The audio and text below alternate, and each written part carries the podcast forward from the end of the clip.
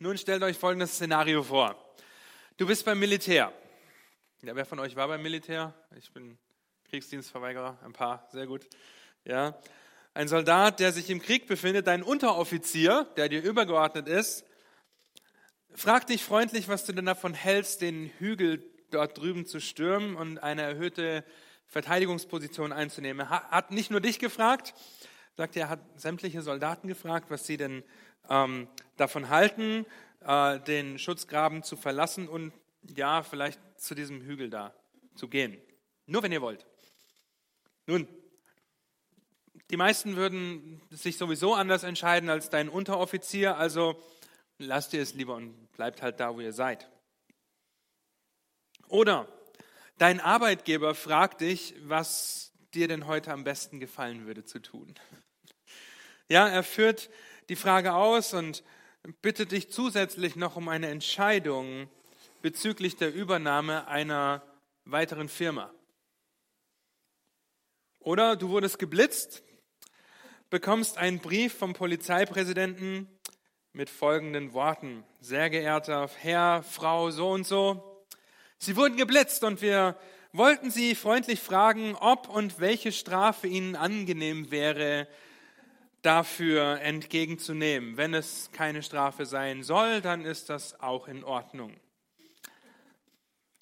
Nun, Beispiele, die uns schmunzeln lassen, weil wir genau wissen, dass es so nicht eintreten wird. Warum nicht? Weil es klare Strukturen gibt, klare Autoritätsverteilungen in der Gesellschaft. Ja, ein Unteroffizier ist dem normalen Gefreiten übergeordnet und gibt Befehle und fragt nicht, was er tun soll. Ein Arbeitgeber ist dir als Arbeitnehmer übergeordnet und sagt dir, was du tun sollst. Oder der Polizeipräsident, wenn du geblitzt wurdest, der fragt dich nicht, sondern er stellt dich vor vollendete Tatsachen und sagt, du musst die Strafe jetzt bezahlen. Nun, weitere Beispiele, die vielleicht etwas ernster sind.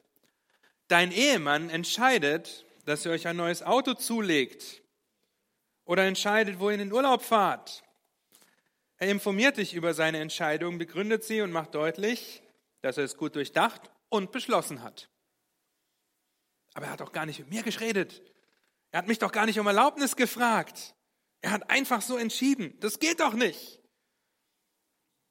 Vielleicht jetzt nicht in der Anschaffung eines Autos, aber vielleicht in anderen Situationen, die dir als Ehefrau einfallen, wo dein Mann dich scheinbar übergangen hat. Oder wie häufig erleben wir es oder praktizieren es sogar, dass Kinder die Freunde der Eltern sind. Ja, meine Kinder sind meine besten Freunde. Das heißt, wir setzen uns mit den Kindern hin und fragen sie, was wir denn heute kochen sollen oder was wir, wo wir denn heute hinfahren sollen. Und dann machen wir das natürlich auch. Wir kochen nicht, wir essen Eis. Ja? Wir fahren nicht zum Arzt, wo wir einen Termin hätten, wir fahren in Tobis Tobewelt. Wir fragen sie, nachdem sie ungehorsam waren, ob und welche Konsequenzen sie gerne hätten. Und wir wünschen uns so gerne ihren Input, weil es muss meinem Kind ja gut gehen nach der Auffassung des Kindes. Und ich muss sein Freund sein. Und wir vergessen, dass wir Eltern sind und dass Kinder unsere Kinder sind, die erzogen werden müssen laut der Schrift. Nun, das alles gesagt, lasst uns die Bibeln aufschlagen, wenn wir die Präsentation sehen, bei Epheser Kapitel 5. Wir haben schon einige Stellen im Epheserbrief angeschaut. Wir kommen zu Epheser Kapitel 5. Wir haben uns angeschaut, dass wir einander vergeben sollen. Wir haben uns angeschaut, ähm, dass wir einander Lieder singen sollen oder wie wir miteinander reden. Gideon, kriegst du die Präsentation an? Danke. Ja, und das war, wie wir zueinander reden, was wir miteinander reden, haben wir gesehen in Versen 15 bis 20. Und jetzt kommen wir zu einem einzigen Vers, und das ist Vers 21, wo es heißt, ordnet euch einander unter in der Furcht Gottes. In 1. Petrus, Kapitel 5, Vers 5 schreibt Petrus im zweiten Teil dieses Verses, ihr alle, sollt euch gegenseitig unterordnen und mit Demut bekleiden. Da steht's doch, schwarz auf weiß. Wir ordnen uns einander unter. Das heißt, meine Frau hat genauso viel zu melden wie ich, meine Regierung hat genauso viel zu melden wie ich, mein Vorgesetzter hat genauso viel zu melden wie ich, weil hier steht's doch, ordnet euch einander unter. Nun, bevor wir die Frage klären, was biblische Unterordnung ist, müssen wir den Kontext anschauen. Den Kontext, und jetzt gehen wir weiter, dieser beiden Stellen. Der Unterschied ist, auch wenn sich diese Stellen sehr ähneln, dass Epheser 5, Vers 21 eine Überschrift ist über das, was folgt. Ja? Und 1. Petrus Kapitel 5, Vers 5 ist eine Antwort oder ein Abschluss dessen, was geschrieben wurde.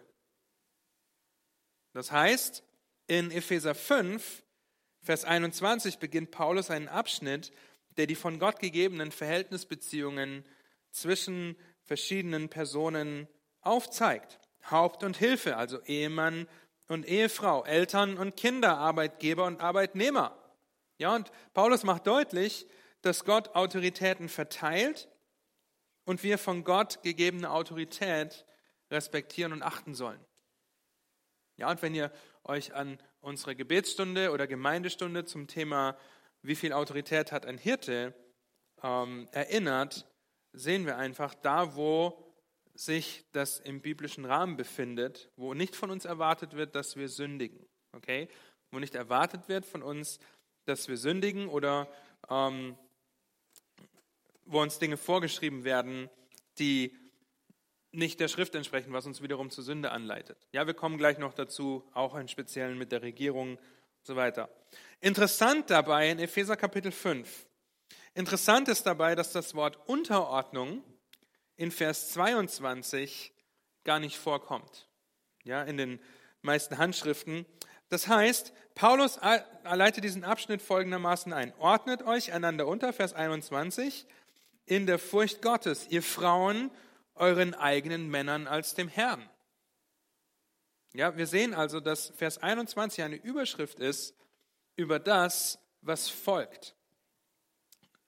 Wir sehen in 1. Petrus 5, Vers 5, dass es ein Abschluss ist dessen, was vorher geschrieben wurde. Ja, 1. Petrus schreibt an Christen in der Verfolgung, die, die Leid erfahren aufgrund ihres Glaubens an Christus. Aber Petrus ruft nirgendwo zu einer Revolution auf. Ja, er sagt den Christen nirgendwo, okay, rebelliert dagegen, dass euer Glaube verboten wird, dass von euch erwartet wird, zu sündigen, ähm, sondern ordnet euch dem unter, auch wenn es euer Leben kostet. Ja?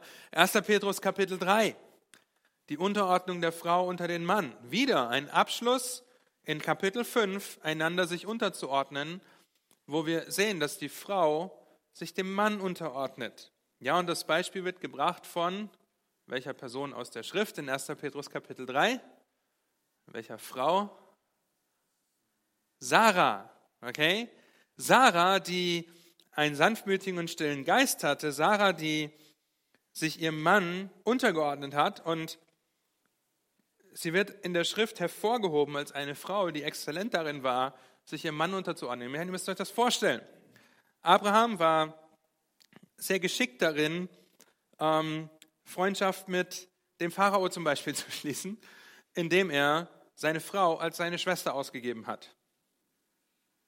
Ja, und somit hat der Pharao, was der Pharao, ich bin, ja, ja, ein, ein Herrscher, zweimal hat er das gemacht, hat er Sarah zu sich genommen, um sie zu einer seiner Frauen zu machen. Gott hat das nicht zugelassen, hat das mit Krankheit bestraft. Aber Sarah, wir lesen nirgendwo davon, dass Sarah widersprochen hat, sondern in 1. Petrus 3 sogar lesen wir, wie sie einen sanften und stillen Geist hatte, der sich dem untergeordnet hat, was ihr Mann gesagt hat. Wir kommen noch dazu. Ja, weil ich weiß, dass das ein Konzept sein kann, wenn man das hört, dass ähm, sehr negativ behaftet sein kann, wenn es um Unterordnung geht. Wir sehen in 1. Petrus ebenfalls Unterordnung unter die Regierung, unter den Arbeitgeber und unter die Ältesten. In 1. Petrus Kapitel 5, Vers 5, vorher in 1 bis 4 in diesem Kapitel, in Kapitel 5, schreibt er wie ein Ältester eine Gemeinde leiten soll. Und in Vers 5 sagt er, die Jüngeren, ja, ihnen sage ich, und dann fährt er fort, ordnet euch einander unter in aller Demut. Also eine Aufforderung Gottes, sich den von Gott gegebenen Autoritäten unterzuordnen. Okay, es sind Aufforderungen, die wir finden, sich den von Gott gegebenen Autoritäten unterzuordnen. Mit Unterordnung auf Autorität, die die Schrift als solche definiert und wo sie auch einen Rahmen steckt, wie weit diese gehen kann, auf Unterordnung auf, mit Unterordnung auf Autorität zu reagieren. Das Wort Hypotasso. Hypo unter, Tasso werfen. Also ein zweiteiliges Wort im Griechischen, ein militärischer Begriff. Deswegen haben wir auch mit dem Beispiel aus dem Militär begonnen. Es ist die Unterordnung unter einen Vorgesetzten, unter eine Regierung oder eben unter eine von Gott gegebene Autorität. Wenn es um die christliche Unterordnung geht, unter wen auch immer, ja, dann ist es die innere Einstellung, sich bereitwillig unterzuordnen. Bereitwillig mit einer inneren Einstellung. Das heißt, ich bin davon überzeugt, dass Gottes Wort der Wahrheit entspricht, auch wenn es mir völlig gegen den Strich geht. Ja, solange die Autoritätsperson, die Gott eingesetzt hat, mich nicht auffordert zu sündigen. Das heißt, wir haben einen von Gott gesteckten Rahmen. Wenn die Schrift davon redet, dass wir uns einander unterordnen sollen, hat das nichts damit zu tun, dass die gottgegebene Autorität eines Ehemannes, eines Ältesten, der Regierung, der Eltern oder des Arbeitgebers dadurch untergraben werden oder aufgehoben werden. Ja, weil letztendlich stehen wir alle unter einer Autorität, nämlich der Autorität Gottes. Psalm 8, Vers 6 heißt es, du hast ihn zum Herrscher über die Werke deiner Hände gemacht. Alles hast du, seine, hast, hast du unter seine Füße gelegt. Psalm 8, Vers 6. Ja, die Autorität Gottes. Und das ist auch, was Epheser 5, Vers 21 sagt. Ordnet euch einander unter in der Furcht Gottes. Aber wir wissen, Gott hat die letztendliche Autorität. Und wenn wir uns damit beschäftigen und Gedanken darüber machen, dann stellen wir schnell fest, dass das vielleicht nicht immer das Einfachste ist für uns. Okay? Und jeder von uns in diesem Raum hat irgendeine gewisse Autorität von Gott eingesetzt über sich. Ja, eine Autorität, die, wenn sie biblisch handelt, nicht autoritär ist. Weil Autorität immer von außen gegeben wird. Ja, Autorität wird verliehen. In dem Fall wird Autorität von der Schrift verliehen. Und so wollen wir uns die verschiedenen Beziehungen mal anschauen, die wir in unserem Leben finden. Und wir werden schnell feststellen, stellen, dass wir uns entweder innerhalb des Rahmens, den Gott gesteckt hat, befindet, befinden oder außerhalb, wenn es um Unterordnung geht. Wir werden das schnell feststellen, wenn wir wütend auf unseren Arbeitgeber sind oder wenn wir einen Groll gegen unseren Ehemann hegen, weil er eine Entscheidung getroffen hat, die mir nicht passt, wenn meine Kinder gegen mich rebellieren dann ist das ein mangelndes Verständnis dessen, was die Schrift über Unterordnung sagt. Ja, und wir drehen uns um Unterordnung, und das sage ich gleich dazu, weil wir nicht die Zeit haben werden, uns damit zu beschäftigen, wie sieht denn gute geistliche Leitung aus, unter die man sich auch noch fröhlich ordnen kann, ja, bereitwillig ordnen kann. Nur so viel sei gesagt, nur wenn sie im Rahmen des von Gott gegebenen Maßstabs steht, steht und sich bewegt, uns nicht auffordert zu sündigen, dann ist es eine Autorität, die wir ausüben zur Ehre Gottes und nicht zu unserem eigenen Vorteil. Gerade als Ehemänner, ja, wenn wir gläubig sind, als Hirten einer Gemeinde. Und so lasst uns verschiedene Bereiche anschauen. Epheser 6, Vers 5 macht deutlich, dass die Sklaven sich ihren Herren unterordnen sollen. Diese Stelle trifft heute auch auf uns zu, aber nur insofern, solange wir einen gewissen Arbeitgeber haben, unter einem jeweiligen Arbeitgeber arbeiten, weil wir Arbeitsstellen haben können, die uns sehr herausfordern und wir uns nach anderen Arbeitsstellen umschauen können, woanders bewerben können, woanders hingehen können. Das konnte ein Sklave damals nicht. Okay, wir haben eine gewisse Freiheit, uns einem Arbeitgeber unterzuordnen, weil wir die Möglichkeit haben, unsere Arbeit zu wechseln.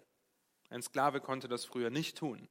Ja, aber solange ich meinen Arbeitgeber habe, fordert mich die Schrift dazu auf, mich ihm unterzuordnen und das zu tun, was er von mir möchte. Außer, wenn von dir verlangt wird, zu sündigen.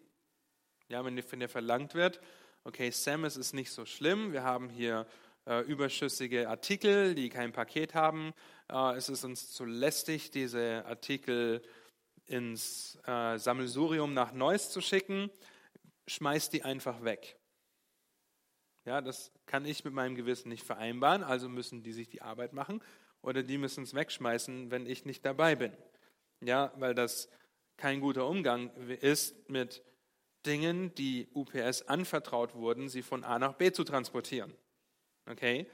Also werde ich mich da respektvoll weigern, das zu tun. Ja?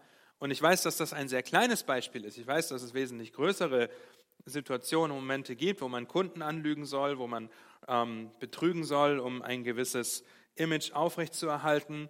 Nun, wir dürfen uns unterordnen unter den Arbeitgeber da, wo er nicht von uns verlangt zu sündigen, denn wir sollen Gott mehr gehorchen als dem Menschen. Und wir haben die Möglichkeit, den Arbeitgeber zu wechseln. Deshalb trifft das die Aufforderung an Sklaven und Herren teilweise zu. Ja, ein Sklave hatte die Möglichkeit nicht. Unterordnung unter die Regierung. Römer 13, 1 bis 4 spricht davon, dass wir uns den Obrigkeiten unterordnen sollen, dass der Regierung das Schwert gegeben ist. Das heißt, wir halten uns an die Gesetze, an die Regeln und Anweisungen der Regierung, solange nicht von uns erwartet wird, dass wir sündigen. Okay? Das ist eine Situation, in der der erste Petrusbrief zum Beispiel geschrieben wurde, für Christus zu leiden, wenn es sein muss. Wir ordnen uns der Regierung unter, wir beten für unsere Regierung, wir stehen für sie ein im Gebet, dass wir in Frieden leben können, wie es im Timotheusbrief heißt. Nun, diese beiden Punkte sind wahrscheinlich nicht so schwer für uns zu beachten. Den, unter, den Arbeitgeber zu, unter dem Arbeitgeber zu stehen und zu sagen, was er möchte, uns unter die Regierung zu stellen. Warum ist das nicht so schwer? Weil wir genau wissen, was das für gravierende Konsequenzen haben kann, wenn wir das nicht tun. Ja, mein Arbeitgeber kann mich feuern, das heißt, ich habe kein Geld mehr, um mich zu versorgen oder meine Familie. Äh, eine Regierung, die kann mich einsperren. Und das möchte ich nicht, weil wir die Konsequenzen vor Augen haben, die uns zu teuer sind. Die nächsten drei, die sind schon ein bisschen happiger und verlangen von uns, dass wir uns selber prüfen und überlegen, wie wir es meinen und wo wir stehen in diesem Bereich. Weil die Konsequenzen nicht ganz so gravierend zu sein scheinen, als die der, des Arbeitgebers und der Regierung. Direkt in den folgenden Versen nach Vers 21 in Epheser 5 und in 1. Petrus 3 geht es um die Ehe. Geht es unmissverständlich darum, dass sich die Ehefrau ihrem Ehemann unterordnet. Harte Worte. Aber wieder, wenn das im biblischen Rahmen stattfindet, das Schönste, was eine Ehefrau tun kann. Und wie schon häufig gesagt, lesen wir nirgendwo im Epheser Kapitel 5 oder in 1. Petrus 3 davon, dass diese Unterordnung einer Frau an Bedingungen geknüpft ist. Genauso wie der Mann die Frau anleiten soll und das nicht an Bedingungen geknüpft ist. Ja, die Ehe ist nicht an Bedingungen geknüpft, sich unterzuordnen oder anzuleiten. Das heißt, dein Mann trifft eine Entscheidung, die du nicht nachvollziehen kannst. Wie gehe ich damit um? Was tue ich? Es ich hätte nicht so entschieden. Hm, dann fang bitte nicht an, das ist dann mangelnde Unterordnung jetzt, du fängst nicht an, mit Dritten darüber zu reden und öffentlich gegen deinen Mann Partei zu ergreifen. Ja? Es kann sein, dass es in einer Seelsorgesituation mit einem deiner Ältesten oder mit einem äh, Seelsorger sein kann, dass solche Dinge auf den Tisch kommen müssen, aber das ist eine andere Situation, ein, anderer, ein anderes Umfeld, in dem du dich in einer Seelsorge bewegst. Das wird nicht nach außen getragen. Man ist dabei, dir zu helfen, diesen Konflikt zu lösen. Aber du fängst nicht an, hinten im Babyraum zu sitzen mit den anderen Mamas oder Papas oder wie auch immer und gegen deinen Mann zu reden oder hier im Kreis, ja, gegen deinen Mann öffentlich zu reden. Kannst du deinen Mann fragen, wie er zu der Entscheidung kommt? Auf keinen Fall. Natürlich, ja. Bitte unterhaltet euch mit euren Männern, fragt sie, stellt ihnen Fragen, die euch dabei helfen, ihre Entscheidung zu verstehen und auch dahinter zu stehen. Und wir Männer, wir reiben uns vielleicht die Hände, wenn wir solche Aussagen hören. Ja, wir können endlich entscheiden, wie wir wollen. Nein, auf keinen Fall. Ja. Wir kommen gleich noch zu uns, wie wir damit umgehen sollen. Unterordnung unter die Eltern. Wir sind nicht die Freunde unserer Kinder, zumindest nicht am Anfang. Ja, dass sich Freundschaften entwickeln können zu spät, in späteren Jahren, keine Frage, aber vorher ist es unser Auftrag, unsere Kinder in der Zucht und Ermahnung des Herrn großzuziehen. Epheser 6, Vers 4.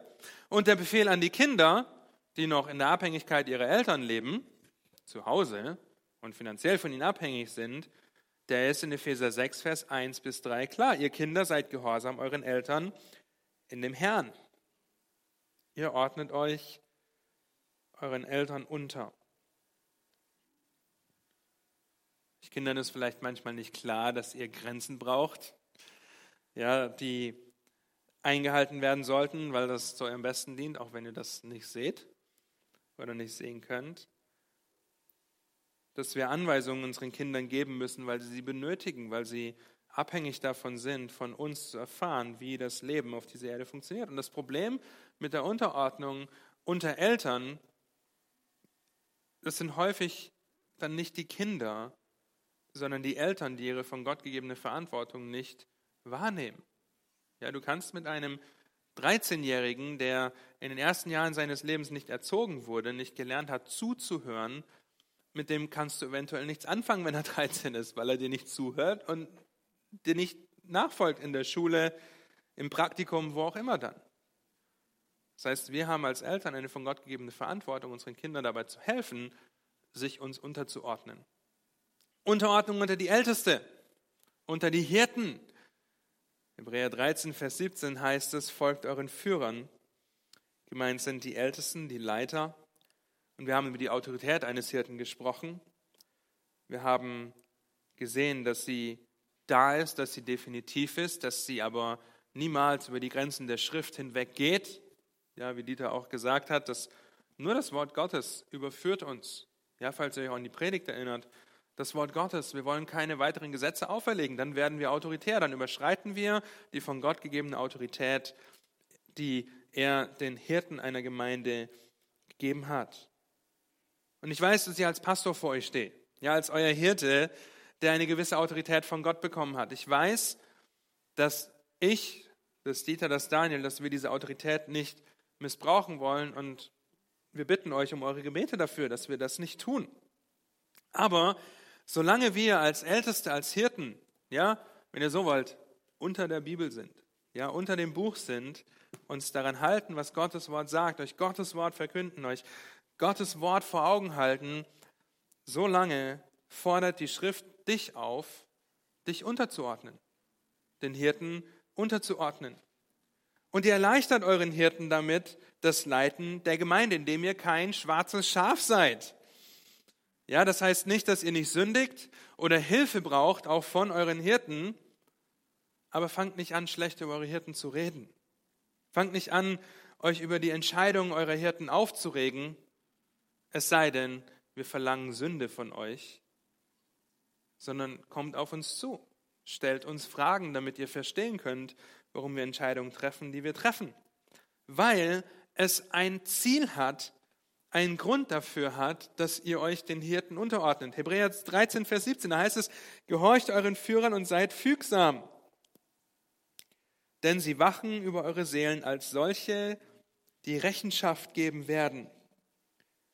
Damit sie es mit Freuden tun und nicht mit Seufzen, denn dies wäre euch nicht nützlich. Es würde euch nichts bringen, wenn, wen nehme ich denn jetzt? Wenn Klaus auf mich zukommt und ich sehe ihn nur von fern und denke, oh, jetzt kommt der Klaus schon wieder. Ja? Sondern ich möchte mich freuen, Klaus, und ich freue mich, Klaus, wenn ich dich sehe. Ja, ich freue mich riesig darüber, das ist ein Beispiel. Aber tut das euren Hirten nicht an, dass sie mit Seufzen darüber nachdenken, wenn sie an euch denken. Ja, und wir denken mit viel Freude an euch. Wir haben bestimmt Situationen, wo wir, wo wir besorgt sind, wo wir einfach anhand der Schrift euch helfen wollen, richtig zu denken, richtig zu handeln. Aber setzt das daran, dass ihr nicht zu einem schwarzen Schaf werdet, das ausschert, ja, und das gegen die Hirten redet, wenn es nicht gegen die Schrift ist, was wir tun. Ja, wenn wir etwas tun, was gegen die Schrift ist, dann kommt auf uns zu, konfrontiert uns und dann wirkt der Heilige Geist hoffentlich, er wirkt hoffentlich schon vorher, dass wir nicht mal in die, nicht in diese Situation kommen, dass wir richtig mit Gottes Wort umgehen. Letztendlich aber hat Christus die absolute Autorität über alles. Ehemänner, Eltern, Vorgesetzte, Hirten, Regierungsmitglieder ordnen sich Christus unter. Ja, es gibt keinen Kaiser, der ein Vater ist, der ein Ehemann ist und der eine Firma hat, der keine Autorität über sich hat. Ja, diese Person gibt es auf diesem Planeten nicht, die nicht unter der Autorität Christi steht, weil alles durch ihn und für ihn geschaffen ist und alles seinen Bestand in ihm hat. Weil wir wissen, dass der mächtigste Mensch dieser Welt, wer auch immer das sein mag, eines Tages seine Knie beugen wird und bekennen wird, dass Christus der Herr ist zur Ehre Gottes des Vaters. Ja, das heißt, Jesus Christus ist die letztendliche Autorität. Das heißt, in dem Beziehungsstatus, in dem wir Autorität bekommen haben, in welchem das auch immer sein mag, ja, manche von euch haben vielleicht mehrere Punkte, wo Gott ihnen Autorität gibt durch sein Wort. Ich zum Beispiel bin Ehemann, ich bin Ältester, ich bin Vater und ich habe ein kleines Team unter mir bei UPS, die ich anleiten muss. Das heißt, von Gott wurde mir Autorität verliehen, das umzusetzen, was Gottes Wort sagt. Aber ich stehe immer unter der Autorität Jesu Christi. Das heißt, ich stehe immer unter dem, was Jesus Christus sagt, was er tut oder was er von uns möchte und wie ich ihm nacheifere. Ja, das ist das, was ihr in Epheser 5 lesen könnt, wie die Ehemänner ihre Ehefrauen lieben sollen, so wie Christus sich hingegeben hat, so wie Christus die Gemeinde geliebt hat. Wir lesen von der Erziehung, dass wir die Kinder nicht zum Zorn reizen sollen, sondern die aufziehen sollen in der Zucht und der Mahnung des Herrn. Wir lesen davon, dass die Kinder sich ihren Eltern unterordnen sollen in dem Herrn. Also Christus ist immer die letztendliche Autorität. Er ist immer die letztendliche Autorität. Und deshalb ist die Frage, wenn du Autorität hast, und die hast du als Mutter, die hast du als Vater, die hast du am Arbeitsplatz oder wo auch immer, wie du um, damit umgehst und ob du dich Christus unterordnest. Weil das wird dazu führen, dass du deine Frau aufopfernd liebst wie Christus. Das wird dazu führen, dass du den anderen höher achtest als dich selbst und begreifst, dass zum Beispiel eine biblische Erziehung die einzig wahre zum Ergebnis führende Erziehung ist. Ja, aber lass mich das deutlich sagen, dass uns Autorität gegeben wurde in gewissen Abschnitten unseres Lebens, bedeutet nicht, dass wir den anderen nicht mehr höher achten sollen als uns selbst. Ja, dieser Aufruf, den anderen höher zu achten als mich selbst, der steht über dem, dass ich Autorität bekommen habe. In meiner Autorität versuche ich den anderen höher zu achten als mich selbst. Das heißt, bevor ich eine Entscheidung treffe, rede ich mit meiner Frau darüber. Ja, bevor wir ähm, als Arbeitgeber beziehungsweise wir reden nicht mit unseren Arbeitnehmern, wir reden vielleicht auch nur mit euch als Schafen über Entscheidungen, die wir als Hirten treffen, aber wir haben das Beste im Sinn für den anderen. Wir denken höher vom anderen als von uns selbst, selbst wenn uns von Gott Autorität gegeben wurde. Wir denken nicht, okay, was bringt mir das jetzt, was habe ich davon, sondern als Hirten, wie schützen wir die Herde, wie leiten wir die Herde an dadurch. Ja, wir achten den anderen höher als uns selbst. In der Kindererziehung, ja, wenn es um mich gehen würde, ich wäre viel lascher in meiner Kindererziehung, weil es mir gegen meinen menschlichen Verstand und mein Verständnis von Liebe geht, wenn ich konsequent sein muss. Ja, aber das Beste für meine Töchter ist, wenn ich ihnen einen Rahmen stecke, in dem sie sich bewegen können, der ihnen Schutz bietet, weil ich das Beste für sie will. Ja, und so können wir den anderen höher achten als uns selbst und trotzdem Autorität haben. Wenn wir uns Christus unterordnen, wird uns das dabei helfen, uns unterstellte Leute, das können Schüler sein, das können Arbeitskollegen sein, die wir anleiten oder die wir belehren oder wie auch immer, in Weisheit und Liebe zu führen. Christus ist unser Vorbild. Christus hat sich dem Willen des Vaters auf dieser Erde komplett untergeordnet. Er hat das getan, was der Vater ihm gesagt hat. Und hier hapert es, warum sich unsere Kinder nicht unterordnen. Hier hapert es, warum sich Frauen nicht unter Männer ordnen, warum sich Schafe nicht den Hirten unterordnen, weil wir nicht absolut selbstlos sind.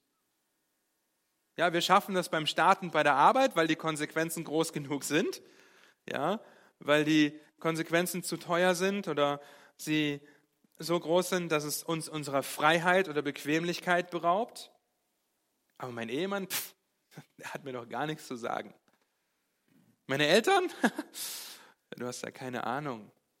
Ja, wieso sollte ich hören auf das, was sie sagen? Ich meine, was? Meine Hirten? Meine Hirten sind für mich sonntags da oder mittwochs beim Gemeindeleben, aber doch nicht während der Woche. Die haben doch überhaupt nichts zu melden. Nun, wir haben nichts zu melden, außer das, was Gottes Wort zu melden hat, und damit haben wir viel zu melden. Ja, aber ihr Lieben, die Frage ist, erkennen wir den Platz, an dem Gott uns Autorität gegeben hat, an dem Gott uns aber auch auffordert, uns einander unterzuordnen, da wo wir unter Autorität gesetzt sind. Ja, ist ein, eine Aufforderung der Schrift, dass wir uns einander unterordnen, was sich darauf bezieht, auf den Stand im Leben, in den Gott dich gestellt hat. Als Arbeitnehmer, als Ehefrau, als Kind, ja, selbst als Mann, als Regierungsvorgesetzter unter Christus. Deshalb ordnet euch einander unter in der Furcht Gottes. Soweit lasst mich beten. Die Zeit ist schon um und wir wollen danach eine kurze Pause haben. Das erste Timotheus-Modul wird nicht stattfinden heute, ja, aber dafür wird das Modul Roter Faden stattfinden in ein paar Minuten. Äh, lasst mich noch beten. Herr, du Dank dafür, dass du der Herr bist über alles, dass du regierst über alles, dass du eines Tages diese Herrschaft auch sichtbar antreten wirst, dass eines Tages sich jedes Knie, jedes Knie vor dir beugen wird, was über, dem, über der Erde, im Himmel, auf der Erde und unter der Erde ist und jede Zunge bekennen wird, dass du Christus bist zur Ehre Gottes des Vaters. Und so danke ich dir dafür, dass du unsere letztendliche Autorität bist, dass du dich in deinem Wort offenbarst. Herr, dass wir danach streben dürfen, uns demütig unter deine mächtige Hand zu beugen, dem zu folgen, was du in deinem Wort sagst. Und so bete ich für jeden einzelnen von uns, der Autorität von dir verliehen bekommen hat, dass wir das mit der Gesinnung tun, die du hattest, Herr Jesus Christus. Dass wir den anderen höher achten als uns selbst, das Beste für den anderen im Sinn haben, wenn wir ihn anleiten, wenn wir ihn anführen. Ich bete aber auch für uns, die wir, jeder von uns in irgendeinem Bereich unter der Autorität einer anderen Instanz steht, die du eingesetzt hast, dass wir das bereitwillig tun, dass wir das vollständig tun, es sei denn, von uns wird verlangt, gegen dich und dein Wort zu sündigen, Herr. Und so bete ich von Herzen, dass wir darin wachsen, uns da unterzuordnen, wo es sein muss, bereitwillig, fröhlich, um ein Zeugnis zu sein für dich, weil es dir die Ehre gibt und dich groß macht, Herr. Amen.